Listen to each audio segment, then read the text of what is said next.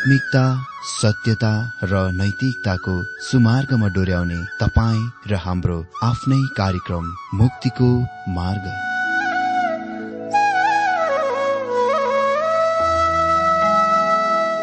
आदरणीय श्रोता यस मुक्तिको मार्ग कार्यक्रममा हार्दिक स्वागत छ। आशा छ यस आत्मिक कार्यक्रमद्वारा जीवनमा आत्मिक आशिष अलौकिक शान्ति र आनन्द प्राप्त गर्नुहुनेछ। र जीवनमा धन्य अनुभव गर्नुहुनेछ। आउनुहोस् श्रोता मन र आत्माको तयारीको लागि यो मिठो अनि मधुर भजन गीत सुनौ।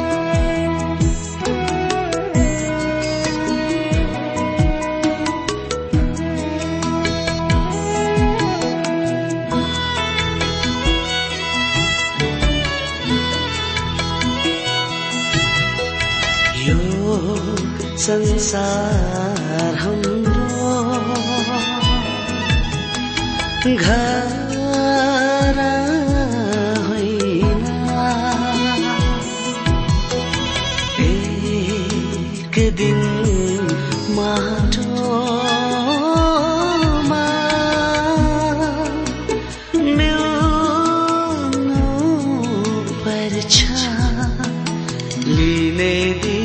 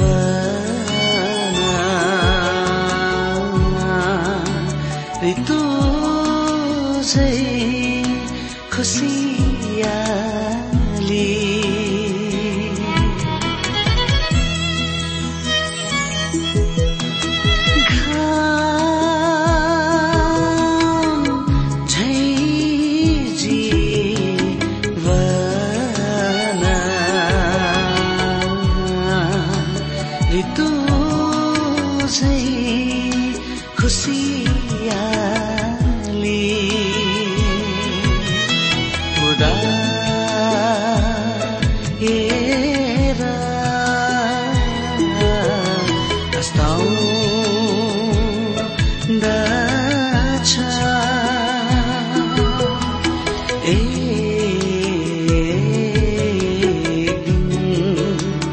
संसार हाम्रो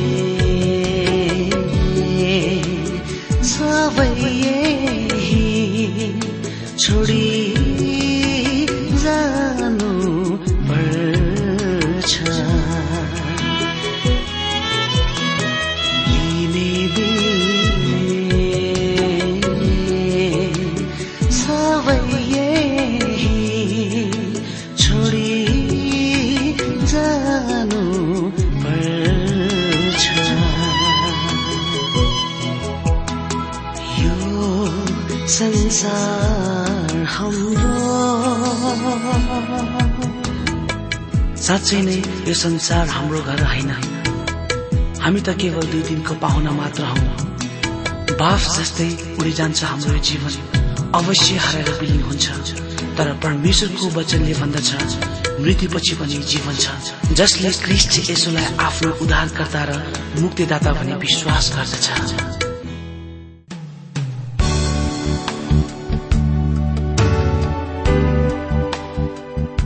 प्रिय श्रोता यो प्रसारण मार्फत यो अवगत गराउन चाहन्छौ कि प्रभुको सेवाको लागि यहाँहरूको साझेदारी नित्यन्त आवश्यकता छ।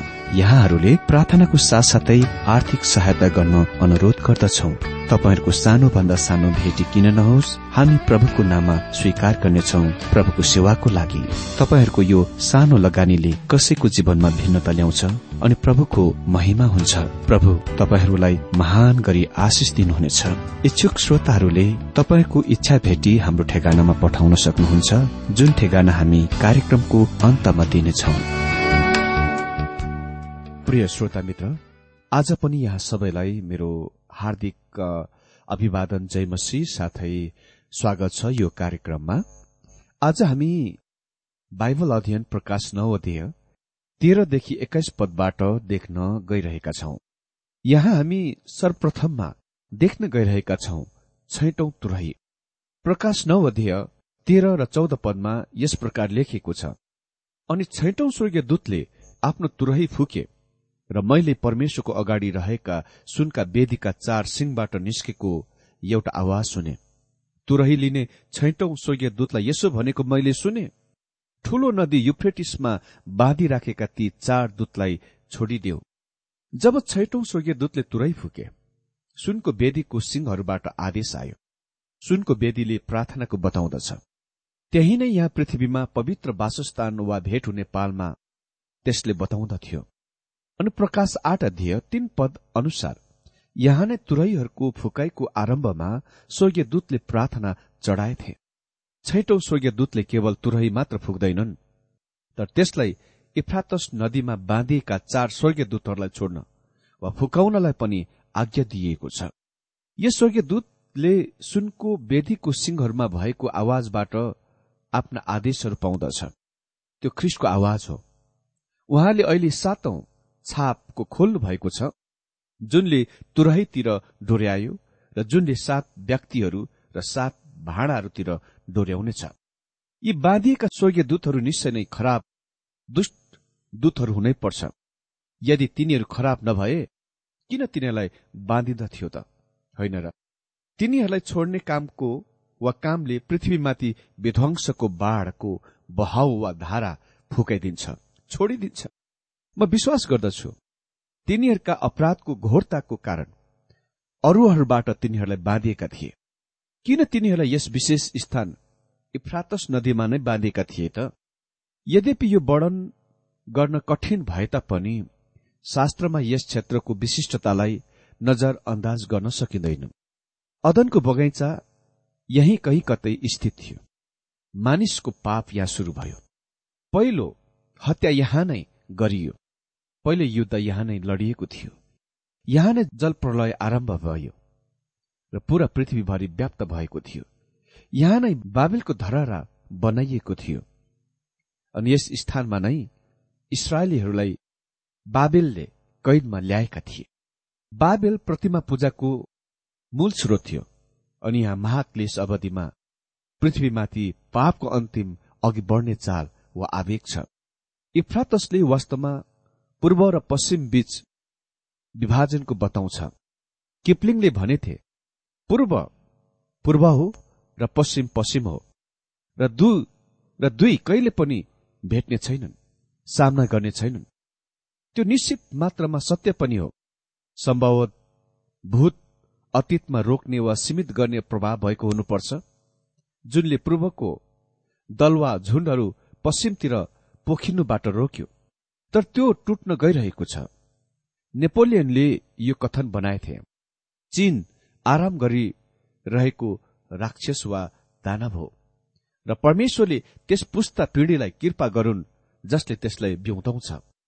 हजुर त्यसलाई आज अमेरिकाले बिउताएको छ। अनि त्यो आज अति नै जागा छ। चीनले विश्व जनसंख्याको एक चौथाइको प्रतिनिधित्व गर्दछ। यदि तपाईँ पूर्वका मानिसहरू इफ्राटस नदीदेखि यताका मानिसको जनसंख्या लिनुभयो यसमा विश्वको अधिकांश जनसंख्या पढ्न आउँदछ। मानव तिनीहरू बढ्न आरम्भ गरे? मेरो मित्र तिनीहरू कुनै दिन बढ्न गइरहेका छन्। अलेक्जेन्डर महानको समयदेखि यता सेता छालाहरू गोरा छालाले आफ्नो अधिपत्य संसारमाथि जमाएका छन्। जहाँसम्म सेता गोरा छाला वा गोरा मानिसहरूको सम्बन्धमा उपनिवेशवाद अहिलेसम्म खत्तम भएको छ। तर साम्यवाद उपनिवेशवाद अझै प्रगतिमा अघि बढाइएको छ। काला जातिहरू ब्युतिरहेका छन् तिनीहरूलाई रोकिएका छन् अनि प्रत्यक्ष रूपले यी चार दूतहरूको तिनीहरूलाई रोकिराख्ने कामसँग गर्नुपर्ने केही सरोकार थियो। जकरियाले बाबेलाई जकरिया पाँच अनुसार झुट्टा धर्मको लागि अन्तिम स्थान निर्धारण गर्दछ। यहाँ नै शैतानको अन्तिम उभिने कामको स्थान लिनेछ। पन्ध्र र सोह्र पदमा यस प्रकार लेखिएको छ अनि ती चार दूतहरू छोडिए जुनहरू मानिस जातिको एक तिहाई मार्नलाई त्यस घडी त्यस दिन त्यस महिना र त्यस वर्षको निम्ति तयार पारिराखिएका थिए। ती घोडसवार फौजको संख्या बीस करोड़ थियो। मित्र यहाँ भनिएको छ पन्ध्र पदमा अनि ती चार दूतहरू छोडिए जुनहरू मानिस जातिको एक तिहाई मार्नलाई त्यस घडी त्यस दिन त्यस महिना र त्यस वर्षको निम्ति तयार पारिराखिएका थिए। तपाईँले यस कुरालाई अक्षरस रूपमा साँच्चीकै रूपमा लिनुपर्छ। किनभने मलाई थाहा छैन अन्यथा तपाईँ यसलाई कसरी लिनुहुनेछ। खास घडीको अंकित गरिएको छ। जो मानिसको तेस्रो भाग मार्नको निम्ति छैटौं तुरहीको फुकाईमा मानव जातिको एक तिहाई जनसंख्यालाई खतम गरिनेछ। हामीले पहिले नै देखिसकेका छौं कि एक चौथाई जनसंख्या हटाइसकिएको छ अनि अहिले एक तिहाई पनि हटाइएको छ। यसको मतलब चार भागमा चार र तीन भाग हटाइसकिएको छ। तिनीहरूलाई नष्ट गरिसकिएका छन्। यसको मतलब पृथ्वीको आधा जनसंख्या महाक्लेश अवधिमा नष्ट गरिनेछ। यो अचम्मको कुरो होइन। कि प्रभु येशुले जब भन्नुभयो मती चौबिस अध्यायको बाइस पदमा अनि ती दिनहरू नघटाएका भए कुनै प्राणी बाँच्ने थिएन। सेनाहरूको आकार भयंकर छ। यसको संख्या बीस करोड़। चीन भारत जापानले त्यति संख्या सेनाहरू सजिलैसँग खटाउन सक्छ। आज सबभन्दा धेरै जनसंख्या पूर्वमा छ।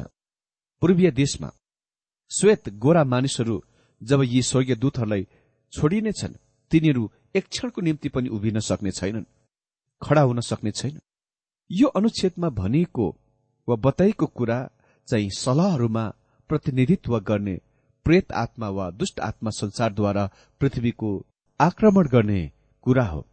अहिले तिनीहरू विश्व युद्धतिर प्रेरित गरिएका छन्। वास्तवमा हामीले अहिलेसम्म विश्वमा खास वास्तविक युद्ध पाएका छैनौं जुनमा प्रत्येक राष्ट्रहरू सम्मिलित थिए। तर त्यसले महाक्लेश अवधिमा स्थान लिनेछ। के यी बीस करोड़ मानव जातिहरू हुन्। मानिस हुन् त। मैले अहिलेसम्म संकेत दिए कि तिनीहरू मानिस नै हुन सक्छन्।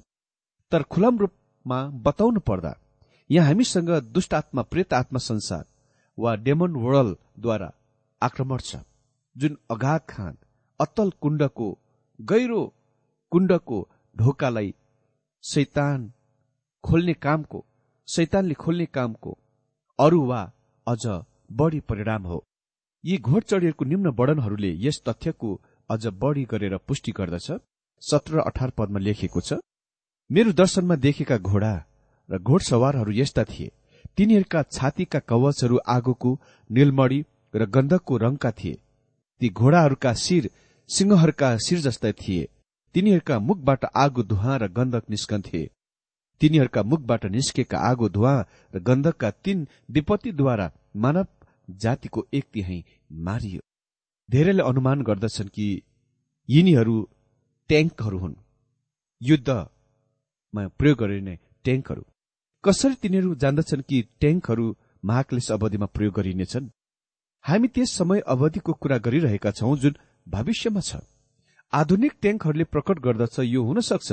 मसँग यस्तो विचार छ कि तिनीहरूले त्यस अवधिमा केही त्यस्तो ट्याङ्कहरू हात हतियारहरू पाउन गइरहेका छन् जुन अझ धेरै अत्याधुनिक विकसित र परिष्कृत खालका हुनेछन्। अयुब उन्तालिस अध्यय उन्नाइसदेखि पच्चिस पद अनुसार घोडा युद्धको जनावर हो। आज अण्डल वडल वा भूतात्माहरू जाने ठाउँ पताल वा अघात खान अतलकुण्ड मानव जातिमाथि युद्ध बनाइरहेको छ। यी अघात खानका प्राणीहरू असामान्य छन्। तिनीहरू सम्भवत प्रेत आत्मा वा प्रेत आत्मा भूतात्मा ग्रसित नियन्त्रितहरू हुन्। हामीलाई तिनीहरूको अक्षरस वर्णन दिइएको छ। विलियम आर न्युवेलले प्रकाशको सम्बन्धको आफ्नो पुस्तकमा यो समयोचित निरीक्षण बनाउँछन्। विश्वास गर तिमीहरूलाई सायदै कुनै टीका टिप्पणीहरूको आवश्यक छ। जब कुनै मानिस प्रकाशको पुस्तकमा अध्ययन गर्न पढ्न आउँछ र भन्छ कि यसको बुझ्न एकदम कठिन छ यसको व्याख्या गर्न अर्थ दिन असम्भव छ समस्या वास्तवमा यो कुरो होइन यो कुनै होइन। तर समस्या चाहिँ यो हो तिनीहरू यसको विश्वास गर्दैनन्। यदि तपाईँ यसलाई खालि विश्वास गर्नु भएर यसको पढ्नु भए यो एकदम स्पष्ट छ। नर्कीय शक्तिहरू यो अवधिमा सक्रियतामा आउनेछन्। यहाँ उल्लेखित महामारी साँच्चीकै महामारीहरू हुन्। आगो साँच्चीकै हो धुवा साँच्चीकै हो र गन्धक साँच्चीकै हो। उही कुरा सदोम र गमोराको विध्वंसमा घटेको थियो। म विश्वास गर्दछु कि महाक्लेश अवधिमा यो पृथ्वी विश्व सदोम र गमोरा भन्दा झन् धेरै खराब र अझ धेरै नराम्रो अवस्थामा हुनेछ। आज विश्वमा मानिसहरू समलिङ्ग कामिकताको होमोसेक्सुअलिटीको समाज स्वीकार गर्नुपर्दछ भनी आवाज उठाइरहेका छन्।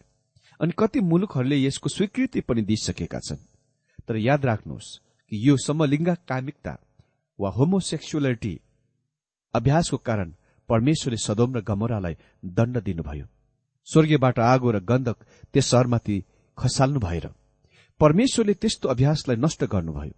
अनि यदि तपाईँ सोच्नुहुन्छ कि परमेश्वरले त्यस्ता असामान्य मानिसलाई अनन्त कालतिर प्रवेश गर्न अनुमति दिइरहनु भएको छ भने तपाईँ बिल्कुल गलत सोचिरहनु भएको छ। यस पोइन्टमा बिन्दुमा यस समयमा एक त्यही जनसंख्या मारिन्दछन्। एक त्यही प्राकृति पहिले नै असर गरिसकिएको छ तर मानव जातिलाई यो विस्तारको दण्डले कति पनि स्पर्श गरिएको थिएन छोइएको थिएन। यदि विश्वको जनसंख्या तीन अरब भए यसको मतलब एक अरब मानिसहरू मारिने थिए। यो कुराको याद राख्नु एक चौथो छाप खोलाइ अन्तर्गत मारिएका थिए। यो पृथ्वीको जनसंख्याको भयंकर र विनाश हिरोसीमा र नागासाकीमा अटम बम खसुन्जेलसम्म अतीतको सम्पूर्ण इतिहाससँग एक असंगत अप्रासङ्गिक कुरा जस्तो देखिन्थ्यो। तबदेखि मानिसहरूले प्रकाशको पुस्तकमा उल्लेखित भाषा भन्दा धेरै कठोर भाषाको प्रयोग गरिरहेका छन्। तिनीहरू अहिले पृथ्वीको निवासीहरूको सम्पूर्ण विनाशको कुरा गर्दछन्। तर प्रभु येशुले भन्नुभयो कि उहाँले यो हुन अनुमति दिनुहुने छैन। ती दिनहरू नघटाएका भए त्यहाँ कुनै जीवित प्राणीहरू बाँच्ने थिएनन्। अनि यदि त्यस त्यसो हुन भए मानव जातिले आत्मा हत्या गर्ने थिए। अनि उन्नाइस पदमा लेखिएको छ किनकि ती घोडहरूको शक्ति तिनीहरूका मुख र पुच्छरमा थियो किनभने तिनीहरूका पुच्छर सर्प जस्ता थिए जसका टाउका थिए। तीद्वारा तिनीहरूले मानिसहरूलाई चोट पार्थे। मित्र यिनीहरू असामान्य घोडाहरू हुन्। जुनले आफ्ना मुखले मान सक्दछन्। सबभन्दा निराला अनौठो कुरा के भने ती घोडाहरूको पुच्छरहरूमा रौहरू वा भुत्लाहरू हुनुपर्नेमा तिनीहरूसँग साँपहरू छन्। जुनको मानिसहरूलाई मार्न प्रयोग गरिन्दछ अनि बीस र एक्काइस पदमा लेखिएको छ यी विपत्तिद्वारा नमारिएका बाँकी मानिसहरूले आफ्ना हातका कामबाट अझ पनि प्रस्ताव गरेनन्। तिनीहरूले भूतहरूलाई र देख्न नसक्ने सुन्न नसक्ने र हिँड्न नसक्ने सुन चाँदी काँसा ढुङ्गा र काठका प्रतिमाहरूलाई पुज्न छोडेनन्। तिनीहरूले आफूले गरेका हत्या जादुगरी व्याविचार र चोरीको प्रस्ताव गरेनन्। यहाँ उल्लेखित शब्द टुनामुना जादु चाहिँ ग्रिक शब्द हो फार्माकियोन जुनबाट हामीसँग अंग्रेजी शब्द फार्मेसी पाउँदछौ। फार्मेसीको मतलब हो औषधिहरू। अघि पुरानो समयमा औषधि पसल भनिन्थ्यो भने आज चाहिँ हामी फार्मेसी भन्दछौ। महाक्लेश त्यो समय अवधि हुनेछ जब औषधिको प्रयोग नियन्त्रणमा हुने छैन। औषधि ड्रग्सहरूले उद्धार नपाएकाहरूको जीवनमा ठूलो भूमिकाहरू खेल्दछ र धेरै अन्य उद्देश्यको काम वा सेवा गर्नेछ।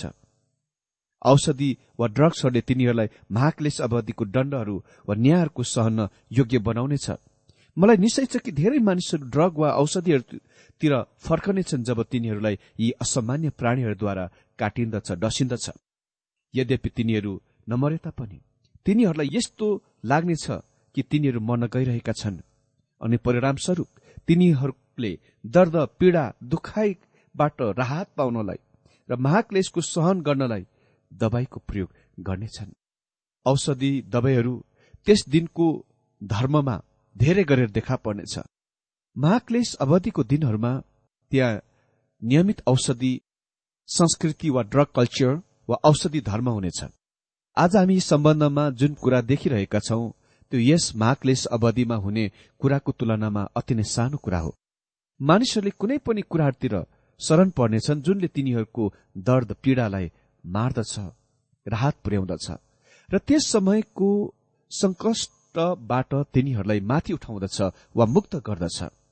मध्य वा रक्सीले निश्चय नै अति नै मुख्य कुरा वा नामी वा विशिष्ट स्थान पाउनेछ जस्तो कि आज यो पूरा विश्वमा छ। आज ड्रग्सहरू औषधिहरू व्यावहारिक रूपमा प्रत्येक आधुनिक कल्टहरूमा प्रयोग गरिन्दछन्। जुनले सेक्स वा मैथुनहरूलाई आफू कहाँ भीड़हरूलाई आकर्षण गर्न खिच्न प्रयोग गर्दछन्। हामीलाई यहाँ भनिएको छ कि तिनीहरू खालि टुना मुनाहरूको मात्र दोषी थिएनन् जुनको ग्रीकमा अर्थ हो मतवालापनामा वा नसामा र लागु औषधिमा वा पदार्थमा लिप्त हुने कुरा बुझिन्छ। तर तिनीहरू व्याविचारमा पनि लिप्त भएका थिए जुनले चोरी कामहरू गर्नेतिर डोर्यायो। आज विशेष गरेर पश्चिमेली मुलुकहरूमा व्याविचार गरिने अभ्यासका तरिकाहरू अभद्र र भयप्रद कुरा हो। अनि यो पूरा विश्वमै सत्य छ। यो मानव स्वतन्त्रताको रूपमा र सभ्यताको महान प्रगतिको विकासको प्रमाणको रूपमा अघि बढ़िरहेको छ र प्रोत्साहन दिइरहेको छ। यो चाखलाग्दो कुरा छ कि त्यसको बारेमा चिन्ता सो गर्नुको सट्टामा यो भीड़ गाउन र नाच्न चाहन्छन् र यो भन्न चाहन्छन् कि यो मानव जाति सुध्रिरहेको छ प्रगतिको पथतिर अगाडि बढ़िरहेको छ। टुना मुना र व्याविचार र चोरी वृद्धि हुन बढ्न गइरहेको छ र तिनीहरूमाथि अति नै ठूलो जोड प्राथमिकता दिइएको छ। म विश्वास गर्दछु ख्रिस्ट विरोधीले सबै यी तीन कुराहरू मानव जातिलाई आफैका अधीनतामा ल्याउन प्रयोग गर्नेछ। मानव जातिलाई त्यस दिन सजिलै फसाउनेछ। लागु औषधि वा पदार्थको प्रभाव अन्तर्गत उसले हरेक कुराको ग्रहण गर्नेछ स्वीकार गर्नेछ। नाइट क्लबहरूले मध्य वा रक्सीलाई अगाडि सार्न वा व्यवस्था गर्नको एक कारण केवल पैसाको लागि मात्र होइन। जुन त्यसमा हुन्छ तर त्यसले तिनीहरूका मनोरञ्जन गराउनेहरूलाई पनि ग्रहण योग्य बनाउँछ स्वीकार योग्य बनाउँछ। यदि तपाईँले एक दुई ट्वाक रक्सी पिउनु भएको छ भने घटिया गायकहरू घटिया कमेडियनहरू वा हास्य कलाकारहरू पनि तपाईँको निम्ति असल देखाइ पर्दछन्। र यदि तपाईँले तीन ट्वाक पिउनुहुन्छ भने तब त्यो घटिया गायक वा हास्य कलाकार पनि तपाईँको निम्ति स्टार बन्छ। मित्र ड्रग्सहरू वा लागु औषधिहरू रक्सीले मध्यले ख्रिस्ट विरोधीलाई शक्तिमा र अधिकारमा ल्याउन सहायता पुर्याउनेछ। पाओले लेखे दोस्रो निकी दुई अध्यय नौ र दश पदमा त्यसको आगमन मतलब ख्रिस्ट विरोधीको आगमन चाहिँ शैतानको कार्य अनुसार सबै सामर्थ चिन्हहरू र झुट्टा चमत्कारहरूको साथमा हुन्छ। र नष्ट हुनेहरूको मध्यमा अधर्मका सबै प्रकारका धोकाबाजीका साथमा हुन्छ। किनभने मुक्ति पाउनका निम्ति तिनीहरूले सत्यको प्रेम ग्रहण गरेनन्। म विश्वास गर्दछु कि स्वर्गीय यात्रा वा ऱ्याप्चर भन्दा पहिले सुसमाचार हरेक प्राणीहरू कहाँ जानेछ अनि निश्चय नै महाक्लेश समय अवधिमा यसको प्रत्येकले सुन्न गइरहेको छ। यहाँ पाउले जुन कुराको वर्णन गरेका छन् यो खालि ती मानिसहरूमाथि मात्र घट्नेछ जसले परमेश्वरको वचनको इन्कार गरेका छन्। फेरि दोस्रो थिस्लो निकी दुई अध्यय एघार र बाह्र पदमा हामी पढ्छौं। अनि यही कारणले गर्दा तिनीहरूले झुटलाई विश्वास गरून् भनेर परमेश्वरले तिनीहरू कहाँ ठूलो भरमाउने शक्ति पठाउनुहुनेछ। सत्यलाई विश्वास नगर्नेहरू तर अधर्ममा खुशी मान्नेहरू सबैले दण्ड पाउन् भनेर। जुन क्षणमा तपाईँ सुसमाचारको इन्कार गर्नुहुन्छ परमेश्वरप्रति आफ्नो हृदयलाई बन्द गर्नुहुन्छ। तपाईँ ठूलो झुट वा भरमाउने कुराको लागि एकदम खुला हुनुहुन्छ। जब त्यो तपाईँका आउँछ र तपाईँ त्यसलाई अप्नाउनुहुन्छ। कसैले भनेका छन् कि जो व्यक्ति कुनै कुराको लागि उभिँदैन खडा हुँदैन त्यो हरेक कुराको लागि लड्नेछ गिर्नेछ पतन हुनेछ। यो एकदम सही कुरा हो। ती जो परमेश्वरको वचनको लागि खडा भइरहेका छैनन् तिनीहरू कल्ट वा झुट्टा शिक्षाहरूको लागि आसान सजिलै शिकार हुन्। परमेश्वरले आजको यो बाइबल अध्ययनद्वारा हरेकलाई धेरै धेरै आशिष दिनुभएको होस्। Thank you.